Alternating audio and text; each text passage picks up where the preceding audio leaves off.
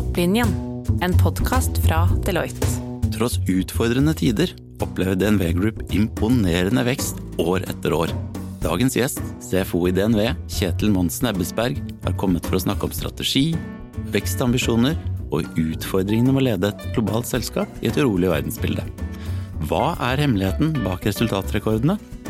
Du hører på Deloittes podkast Topplinjen, og mitt navn er Hans Ragnar Berg. Med hovedkontor på Høvik er DNV et globalt selskap innen kvalitetssikring og risikohåndtering med tilstedeværelse i over 100 land. Kjetil, kan ikke du helt innledningsvis ta oss gjennom kortversjonen av denne eventyrlige reisen på snart 160 år? Ja, nå har jo jeg vært i DNV under fire år, så 160 år er et langt er flere liv før jeg var inne i dette. Men eh, DNV ble jo etablert i 1864, basert på Norge som en uh, shippingnasjon. Uh, hadde mye skipsredere, mye skip som seilte rundt på verdenshavene. og de opplevde jo at det var ja, det var røft der ute, og mange skip som ikke klarte strabasene. Eh, det betød tap av menneskeliv, tap av store verdier.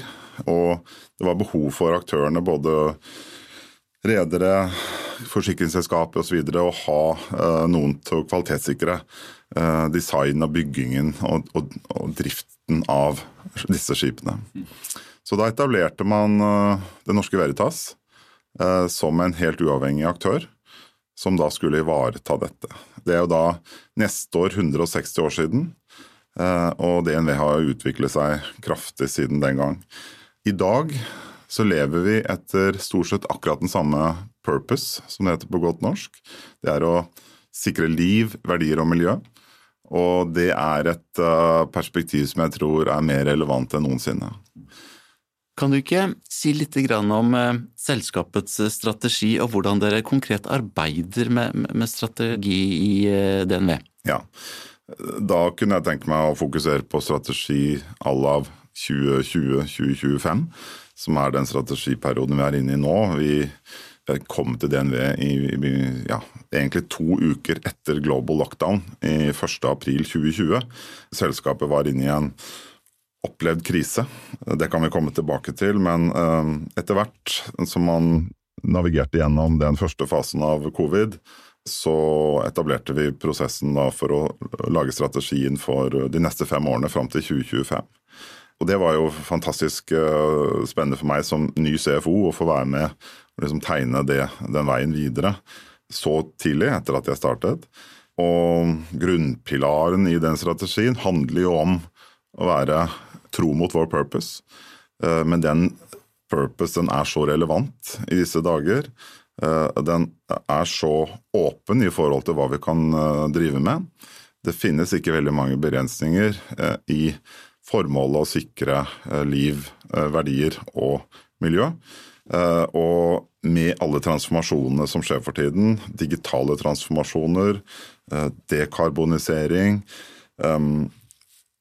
tillit til verdikjeder, til systemer, kunstig intelligens. Det er så mye som skjer som, som krever at du har kompetanse å forstå risiko og muligheter rundt disse transformasjonene. Det vi, vi sa, at liksom, visjonen vår for denne femårsperioden er å være en trusted voice to tackle global transformations. Vi opererer med tjenester i ca. 100 land. Vi opererer på tvers av de fleste industrisektorer, selv om tyngdepunktet er på maritime olje og gass. Så, så, de andre forretningsområdene uh, jobber inn i andre forretningssektorer. Og det å ha da uh, en aktør som er uavhengig, som er uavhengig av eierskap, men også uh, av andre aktører innen sektoren, som kan ha kompetanse, teknisk innsikt til å hjelpe våre kunder da, gjennom disse si, endringene, disse prosessene, det, det, så vi som en naturlig del for, for DNV å, å, å, ta del i. Og bygge vår strategi rundt det. Så vi har satt et eh, stort, ambisiøst mål om uh, vekst. Uh, å vokse 45% i den femårsperioden. Og ytterligere løfte lønnsomhet. Vi er jo bare mennesker og software, uh, så vi har ingen hard assets annet enn kanskje noen bygninger og noe laboratorieutstyr. Eh, så, så, vi måler vår lønnsomhet primært gjennom å se på margin på revenue. Så vi satte et mål på det, og et mål på utvikling av virksomheten. Utvikling av kompetansen, menneskene. DNV er jo eid av en stiftelse. Hvordan påvirker det virksomhetens mulighet til å jobbe strategisk i det lange bildet mot det store målet? Min bakgrunn er fra Hydro, Norsk Hydro, hvor jeg var i 22 år. Første halvdelen av min karriere i CFO-linje, den andre halvdelen i operativ eh, linjefunksjon. Og har jo hele min tid i Hydro vært selvfølgelig et børsnotert selskap, eh, så jeg kjenner veldig godt dynamikken der. Eh, det er veldig spennende. Det jeg opplever med DNV, er at vi har enda større frihetsgrader til å tenke langsiktig til å gjøre det vi mener er riktig for å utvikle virksomheten på lang sikt, selv om det kanskje skulle eh, bety kostnader på kort og mellomlang sikt. Det gir en mulighet til å skape et enda større eierskap i organisasjonen. At dette er vår virksomhet. Fordi en stiftelse er jo ingen, egentlig. Ingen personer. Så du kan skape en følelse blant eh, medarbeiderne at det er, det er, vår virksomhet som vi må ivareta. Det er vårt ansvar. Og det gir en fantastisk uh, mulighet og en følelse av eierskap uh, som jeg føler, og som jeg tror veldig mange av våre snart 15 000 medarbeidere føler. Vi har også endret litt på profilen rundt dette bonussystemet som har vært der tidligere. Et, vi har etablert et profit share-system som gjør at vi har satt et minimums si, på 6% av omsetningen. Og det vi genererer av eh, EBIT over 6 det fordeler vi 40% til de ansatte, og 60 blir igjen i selskapet. Og etter hvert som vi har vokst, vi har vokst på topplinjer, men vi har også vokst betydelig på bunnlinjen, det har blitt et veldig lønnsomt selskap, så er det klart dette også betyr noe for medarbeiderne. at de de opplever at den verdiskapningen de bidrar til, den får de ta del i selv også. Igjen da, for å forsterke følelsen at kanskje litt mer enn et tradisjonelt børsnotert selskap, dette er litt min butikk. Endringene i, i, samfunnet kan vel på mange måter sies å gå raskere og raskere. Hvordan er deres tilnærming til å, fange opp eh, fremtiden når dere, når dere planlegger på veien videre? Vi har jobbet mye med kompetanseheving eh, på digitalisering. Altså vi har sendt veldig mange av våre ansatte på liksom tunge digitaliseringsprogrammer for å, for å, bygge opp kompetanse, for å bygge opp forståelse. Vi investerer mye i innovasjon og i utvikling. Eh, vi har et mål om at minimum 5% av vår omsetning skal gå til R&D og innovasjon. Eh, vi ligger i dag på området 7% av en omsetning som jo vokser veldig raskt. Um, så vi, vi, kommer nok i år til å lande på en omsetning på i reelle valutatermer godt over 30 milliarder. Og hvis du tar 5 av det, eller 7 da, så blir det ganske mye penger. Og det går jo da til å bygge kompetanse, bygge innovasjon, skape løsninger, være i forkant når det gjelder uh, ny teknologi. Eh, hvis vi eh, kommer diltende etter, eh, så mister vi businessen vår. Vi må, og det er hele persepsjonen av DNV, er at vi er et sted du skal komme til for å, for, for å få det siste. For å få kunnskapen som ennå ikke alle har, ikke sant. Og da må vi investere i dette, slik at vi holder oss der fremme. Det opplever jeg at skjer hele tiden. Vi har også bygget, i denne strategiperioden her bygget opp et ventureselskap som, som investerer i startup-selskaper, i venture-selskaper. Eh, rett og slett for vi kan ikke gjøre alt selv. Det er så mye spennende som skjer i regi av andre. Og vi ønsker å ta del i mye av det, også det vi ikke kan gjøre selv. Så vi kjøper oss da inn med andeler, hvor vi da sier at ok, vi vil være inne, men ikke bare som en finansiell investor, vi skal være inne også som en um, strategisk interessent. Sitte med tilgang til det som skjer i disse selskapene ofte koble oss kommersielt på disse selskapene og gjøre ting sammen med dem.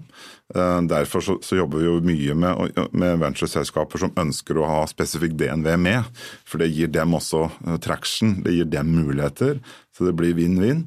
Og så får vi da tilfang av alt den eh, innovasjonen og kreativiteten og spiriten da, som er i disse selskapene, som vi prøver også å ta inn i vårt store, globale, litt sånn ja, tunge selskap, og prøver å, hvordan kan vi på en måte bruke det og den læringen til også å bli lettbente i vår egen innovasjonsaktivitet. For disse investeringene kanaliseres da, hvis jeg forstår rett, typisk mot de områdene som dere ønsker å både være eksponert i, men også lære mer om med tanke på veien videre? Helt riktig. Så, så et kriterium for uh, at vi skal investere uh, vår venturekapital der, er at det er enten et av forretningsområdene våre, vi har seks forretningsområder, eller vår R&D, Group R&D-område, som skal være strategisk sponsor av investeringen. Og så stiller vi med pengene, investeringskapitalen, og så stiller vi med oppfølgingen av dette som en investering. Vi, men vi ønsker både å trekke ut strategisk verdi og eh, finansiell oppside. Men det må alltid være en ikke en i finansavdelingen, men en ute i linjen som er strategisk sponsor på akkurat den investeringen. I kombinasjon og parallelt så leverer de jo rekordresultater nesten hvert år. Hva er den store hemmeligheten? Jeg, tror du kan dele det inn i flere faktorer. Det ene er jo at vi har tiden med oss. Vi er relevante. Og i dagens måte, verdensbilde eh, så er de tjenestene vi leverer mer etterspurt enn noensinne. Og gjennom da denne pandemisituasjonen som vi var i, hvor vi da så at eh, ok, vi må ta en del sterke grep fordi at ingen vet hvor dette ender, kommer vi til å kunne levere på tjenestene våre altså uh, remotely? Må vi ikke være fysisk til stede for å levere verdien uh, og tjenestene til kunden? Klarer vi å skape ny business når vi ikke kan få være sammen med kunden og, være, og reise rundt i disse hundre landene? Eh, så viste det seg etter hvert at jo, dette funker.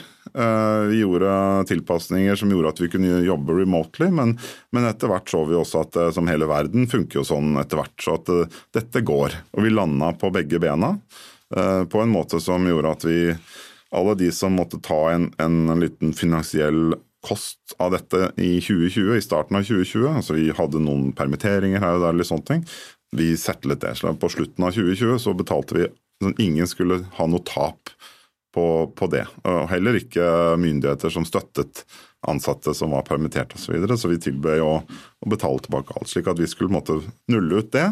Og vi så jo da fra da at vi leverte meget sterkt resultat etter hvert i 2020, og vi har da eh, slått resultatene hvert eneste år. Så de siste tre årene har vi hatt rekordresultater. Kommer til å ha det også i år med betydelig styrking i år. Slik det ser ut nå, med god forecast på fjerde kvartal. Så, eh, og Grunnen til det er jo da digitalisering. Det kommer vi ikke utenom. Altså, det kan være krig i Europa, eller det kan være pandemi, eller det kan være hva som helst. Digitaliseringen har kommet for å bli, for å liksom kopiere et berømt utsagn og forme det litt. Dekarbonisering og redusere fotavtrykket for å redde klimaet og liksom jordkloden, det har kommet for å bli. Det er jo midt i hjertet av det vi leverer tjenester på.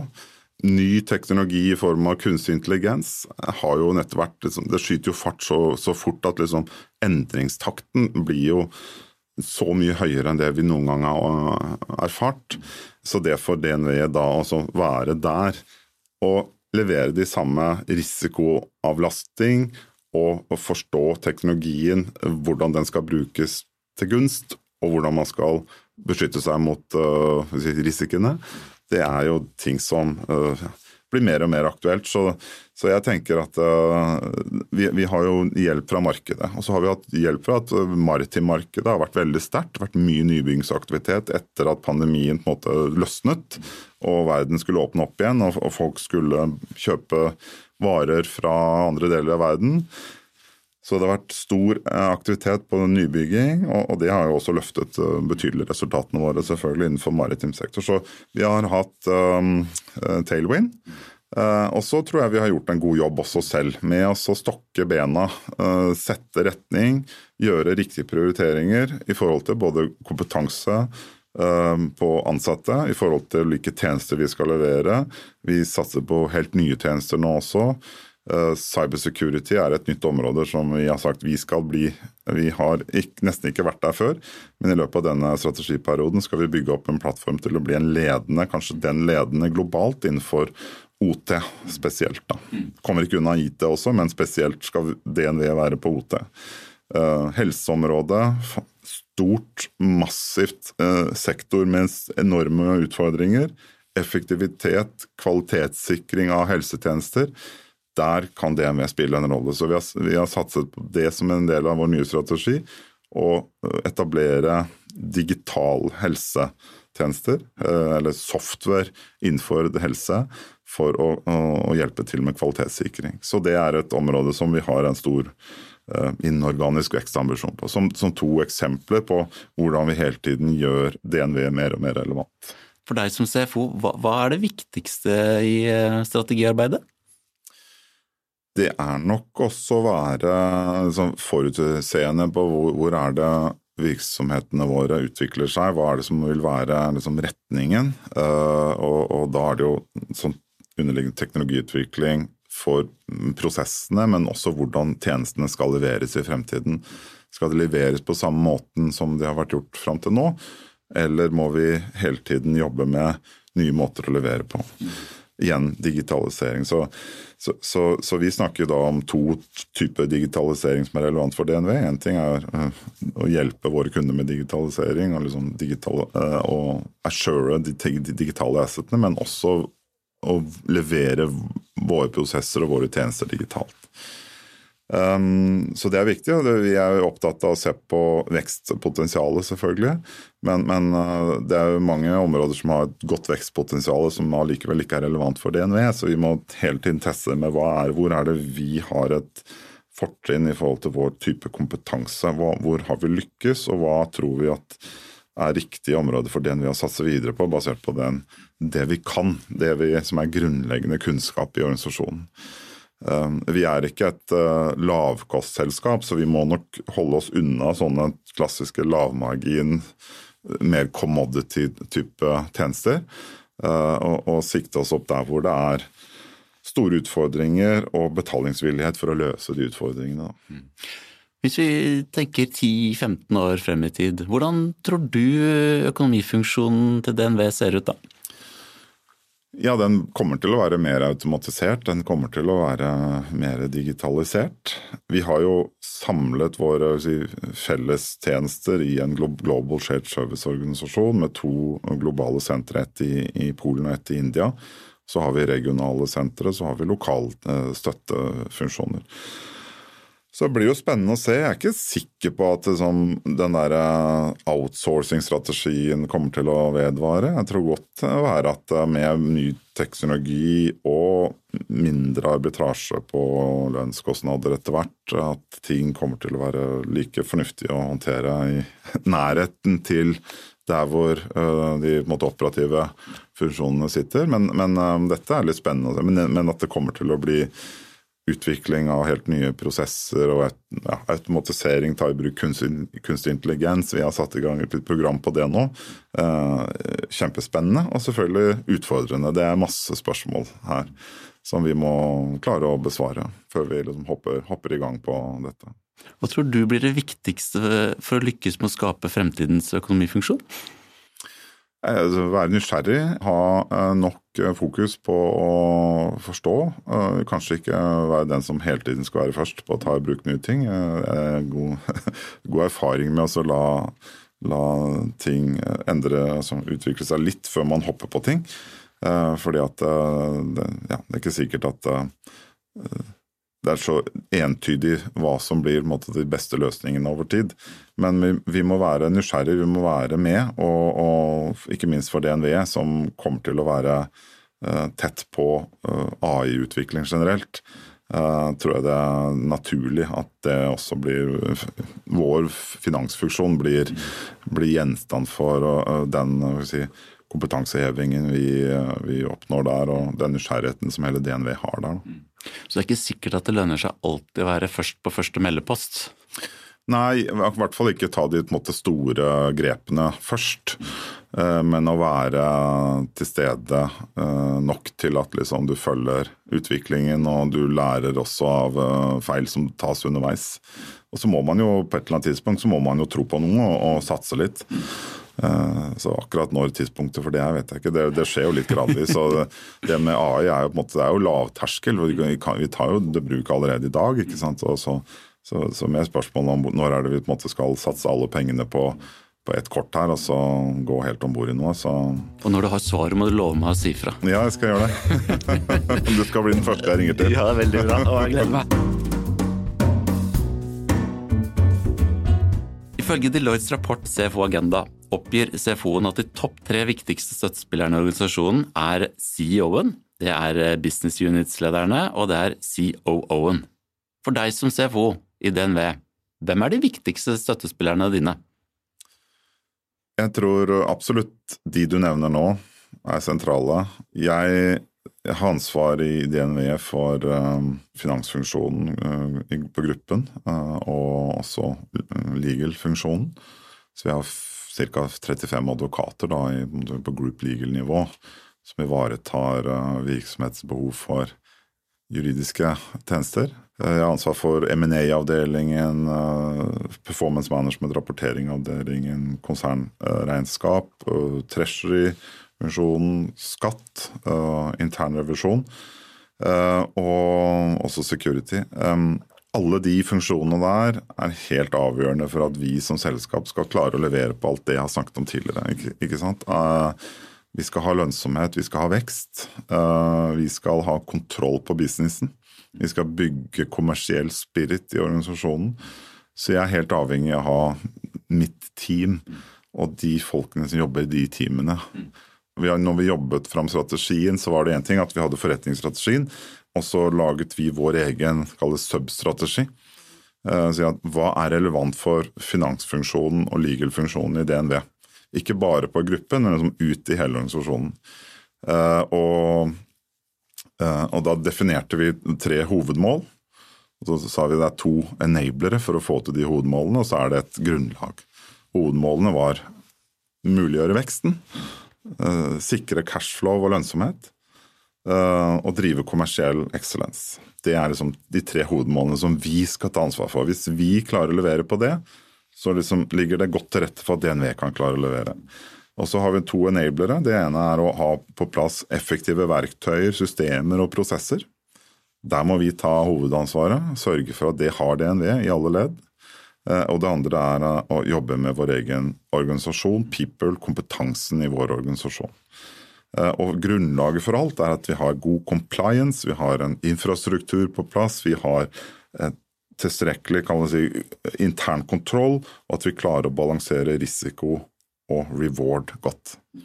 Kanskje det siste er veldig, veldig utfordrende. fordi at du har Forretningene de vil jo gjerne kjøre med en litt høyere risiko, og så er vi litt der at vi må passe på at vi holder litt tilbake. Og Når vi opererer i 100 land, så har vi definert ca. 35 av de landene være det vi kaller høyrisikoland på, på veldig mange måter. Og det må ivaretas. Så, så det å ha en organisasjon av kompetente folk på alle de funksjonene jeg nevnte Jeg hadde ikke overlevd som CFO uten å ha det. Så det er dem jeg er avhengig av. Og så er jeg dønn avhengig av god relasjon og dialog med CEO-en, åpenbart. Han eller hun, i vårt tilfelle nå er det en han, skal jo oppleve at jeg er en uh, støttespiller og på en måte en våpendrager der hvor det trengs. Jeg må sørge for å levere på alt det jeg har sagt, som er liksom vår kjerneoppgave som finans- og legal-funksjon. Og så har jeg behov for å ha tillit og jobbe godt sammen med forretningsområdelederne, selvfølgelig. Men der har jo jeg en dual rolle, ikke sant? for jeg skal jo støtte dem, men jeg skal også utfordre dem. Og som CFO så du, du kan ikke vinne popularitetskonkurransen alltid. uh, men over tid, forhåpentligvis på en måte som gjør at sånn, ageringen min er respektert til å på en måte ivareta DNVs interesser. Og så kan det kanskje føles ubehagelig der og da at man da blir utfordret på ting som ikke helt går sånn som var planlagt. Så det, det tenker jeg det er viktig for meg som CFO, at jeg har dette på plass. Ideelt sett så skal jo enhver leder kunne på en måte gjøre seg selv uh, unnværlig. Uh, og, at man forsvinner ikke har noe å si. Så tror jeg at uh, langt på vei så, så, har jeg så, jeg har så flinke folk rundt meg at jeg, jeg, sover utrolig godt om natten i forhold til at vi ivaretar kjerneoppgavene våre. Og det gjør meg også i stand til å kunne løfte meg og, og spille kanskje på den rollen som CEO-en har behov for, da, som må være på en måte den, den uh, rådgiveren også. Kan du ikke si litt om hvordan dere konkret jobber med oppkjøpsaktivitetene deres? Ja, eh, vi har etter hvert eh, bygget opp en, et team på 10-12 personer på M&A og så har vi på en måte et skyggeteam på legal M&A, så vi har laget en lite team på fem personer på legal-siden som er dedikert til M&A. De jobber da som parhester på, på M&A-transaksjoner. Vi jobber da med å kartlegge uh, mulighetene, se på hvor er det uh, Altså forstå strategien. Vi skal vokse, vi har sagt vi skal vokse 25% gjennom oppkjøp i denne femårsperioden. Eh, hvor er det vi ønsker å vokse? Det er ikke alltid at liksom, det er der vi har satt målene, at det er der vi får til vekst gjennom oppkjøp. Men vi må forstå det. Og så, og så kartlegger vi, og så scouter vi. Vi bruker intern forretningsorganisasjon, våre egne M&A-folk. Vi har mye nettverk med banker og andre aktører ute i, i markedet som hjelper oss, som forstår strategien vår, og som hjelper oss å finne kandidater. Og så har vi en, egentlig en sånn trakt, da, eller funnel som vi kaller det, hvor vi liksom ser på veldig mange.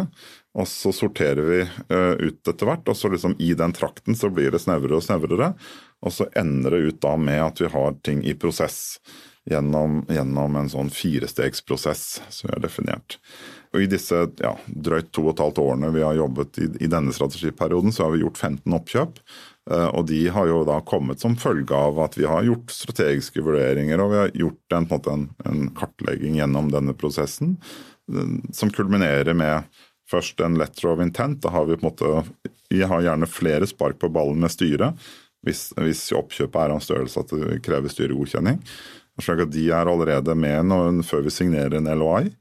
Da har vi indikert en targetpris, og så er det en eh, DD-prosess som gjenstår. og så havner vi da enten med et oppkjøp eller at vi ikke kjøper. Vi ligger sånn cirka akkurat der vi skal ligge i forhold til å nå de 25 prosentene. Så sånn sett så føler jeg at vi har en, en god nok prosess. Og så ser jeg at øh, vi vokser utrolig mye mer organisk enn det vi sa som ambisjonen i strategien. Så vi ligger nå og takter på opp mot 70-75 vekst i denne femårsperioden drevet veldig mye av, da, av organisk vekst. Så det gjør jo også til at vi trenger ikke å være så aggressive på oppkjøpsvekst. Um, selv om vi, fordi vi vokser såpass mye organisk, genererer mer cash enn det vi trodde, og sånn sett har mer kapital, større kapitalbase å kjøpe på, så, så, så, gjør det at vi kan være litt mer, kall det, tålmodige for å finne riktig oppkjøpsmulighet, og til riktig pris, selvfølgelig må ikke kaste dere på fordi butikken går så bra som den uh, ja, og, gjør. Og vekst må vi ha. Uh, det må vi ha ikke bare fordi vi skal levere på en strategi, det må vi ha fordi vi skal utvikle oss. altså Får vi ikke til vekst, så, så, måte, så forvitrer vi. Så, men den billigste måten å vokse på er jo å vokse organisk, og når vi lykkes med det, så er det som CFO eh, ganske greit å se at da vokser kapitalbasen vår, altså i hvert fall i midlertid, så får vi se hvor, når vi skal ta den i bruk. Mm. Er det en fellesnevner eh, som går igjen i mange av disse 15, som er en grunn til at det blir eh, et ja, dette gjør vi? Ja, da måte, da er det jo stang inn på alle kriteriene. da. Uh, og Strategisk sett så er dette avklart ganske tidlig i prosessen. som jeg sier. Altså, vi, er jo veldig tett med styret, har flere spark på ballen med styret på alle disse oppkjøpsprosessene. Selvfølgelig, Vi har jo forretningsområdeansvarlig som, som har ansvar for å levere på sin strategi. Så det strategiske er jo avklart relativt tidlig. Men for noen av disse områdene så er det jo helt nye tema for DNV. altså F.eks. særlig dette med digital helse. Det er helt nytt for oss, den type tjenester. Eh, så der har vi måttet søke litt ekstra for å liksom se hva er, hva er liksom den strategiske plattformen vi skal bygge opp her, for å lære hva er assurance innenfor helse, digital helse, altså software. Vi er jo mye innenfor helse, helsesektoren på medisinsk utstyr og, og sykehussektoren for øvrig, men, men, akkurat dette med software, og levere software til sykehusene, det er nytt for oss. da. Så der har vi måttet, måtte jobbe litt mer strategisk gjennom hele prosessen, bli kjent med target-selskapet før vi liksom sier at yes, dette tror vi på er strategisk. Men, men i de fleste sammenhenger så er strategien ganske tidlig avklart, og da er det mer spørsmål å kvalitetssikre hva er liksom management-kvalitet, hva er uh, det kommersielle kvaliteten i organisasjonen, hva tror vi på er vekst uh, og, og, finansiell uh, outcome av å satse på dette. Så, så, så mm, det, det, er jo de kriteriene der, da. DNV som globalt selskap blir jo truffet både globalt, regionalt og lokalt rundt omkring i alle verdens hjørner. Kan du fortelle litt mer om de utfordringene det står i med det å lede et internasjonalt uh, selskap, spesielt i forhold til det sosiopolitiske og usikre verdensbildet vi befinner oss i? Ja, eh, det er jo noe som DNV har blitt god på. Altså Lenge før min tid så har jo DNV balansert disse utfordringene Eh, ikke sant, gjennom mange forskjellige kriser i verden. Eh, og det har vært ulike utfall av det, selvfølgelig. Men eh, jeg opplever jo altså DNV skal jo være en uavhengig, politisk uavhengig aktør. Vi er i mange land hvor det er temaer som selvfølgelig handler om både compliance og korrupsjonsrisiko og alt mulig sånn. Det betyr ikke at ikke vi kan være der. Vi må bare være ekstra oppmerksomme og, sørge for at liksom, vi gjør ting på riktig måte. Eh, får vi til det, så tror jeg det er bra at vi er der. Og så alt som skjer i forhold til det politiske. Da, vi forholder oss jo alltid til sanksjoner. Vi, vi bryter ikke sanksjoner. og så langt så har det gått greit. Vi har jo noen land som vi er ute av i dag pga. sanksjoner. Iran f.eks. Vi har også land som vi er ute av hvor vi har gått lenger enn sanksjonene. Eh, Russland er et sånt land. Så vi tok en beslutning etter invasjonen i Ukraina i vårt eget, kalle hjemmeområde. Vi er jo tross alt et norsk selskap, så, som vi opplevde å være veldig krevende for oss å, å fortsette å være i Russland, og også ha eh, kontrakter med russiske selskaper. Så vi tok en beslutning om å fase ut det. Dessverre går det alt utover uh, si, uskyldige. Vi hadde jo ansatte i Russland som vi har forsøkt å tilby jobber andre steder i verden. Finne løsninger, og der hvor vi ikke fant uh, løsninger som passet både dem og oss, så har vi jo gjort, gjort det vi kan for at de skal få en uh, mykest mulig overgang i Russland. og Uh, fått tilbakemelding nå at uh, innenfor maritim sektor f.eks. så har alle våre tidligere ansatte fått seg nye jobber. Så det, jeg er veldig glad for det sånn sett. Men det var jo da en, en, sånn type beslutning som vi valgte å ta i den situasjonen som var da. Uh, også, men for oss handler det om å være våken og være oppdatert på det som beveger seg geopolitisk. Alltid uh, stå for det vi kan stå for, med vår integritet. Uh, og utover det tilpasse oss. Og, og sikre at vi ha fleksibilitet til å tilpasse oss det som måtte skje av endringer geopolitisk. Ofte så, så blir jeg som CFO spurt, uh, bl.a. av styret, da, hva er det som gjør at jeg ikke sover Når er det jeg sover dårlig om natten? Hva er det som bekymrer meg mest? Og det, det som egentlig jeg sover veldig godt om natten, er Jeg føler vi har veldig god kontroll, men vi har ikke god kontroll på alt. Uh, for det er nettopp de tingene som du ikke vet kan skje når det skjer, så har du ikke nødvendigvis kontroll på det. Eh, og det er jo ubehagelig selvfølgelig å vite at liksom alt mulig kan skje. Uh, ingen som forventet pandemien når den kom. Uh, noen forventet kanskje invasjonen i Ukraina når den kom, men de fleste gjorde kanskje ikke det. Så vi må være så godt forberedt som vi kan på ulike scenarioer. Og så må vi være så godt forberedt i form av å være fleksible og tilpasse oss snu oss raskt rundt eh, når det uventede skulle skje, som ikke vi klarer å forutse. Men eh, sånn helt til slutt, til alle de som sitter der ute og enten er på vei inn i en CFO-rolle, eller kanskje drømmer om å bli CFO en gang i fremtiden, har du noen tips du vil dele? Ja, altså det, det er ikke noe hokus pokus. Det, det, det er bare å gjøre en god jobb der du er. Vær nysgjerrig. Utfordre deg til å ta nye oppgaver. Det som har vært min, min vei frem til der jeg er nå, det er ikke noe rett vei liksom opp CFO-aksen til CFO. Det er veldig Hvis jeg skulle måtte tegne det kartet, så er den, den er rundt omkring, altså. Så det er et villnis av veier både til side og ned og opp og rundt.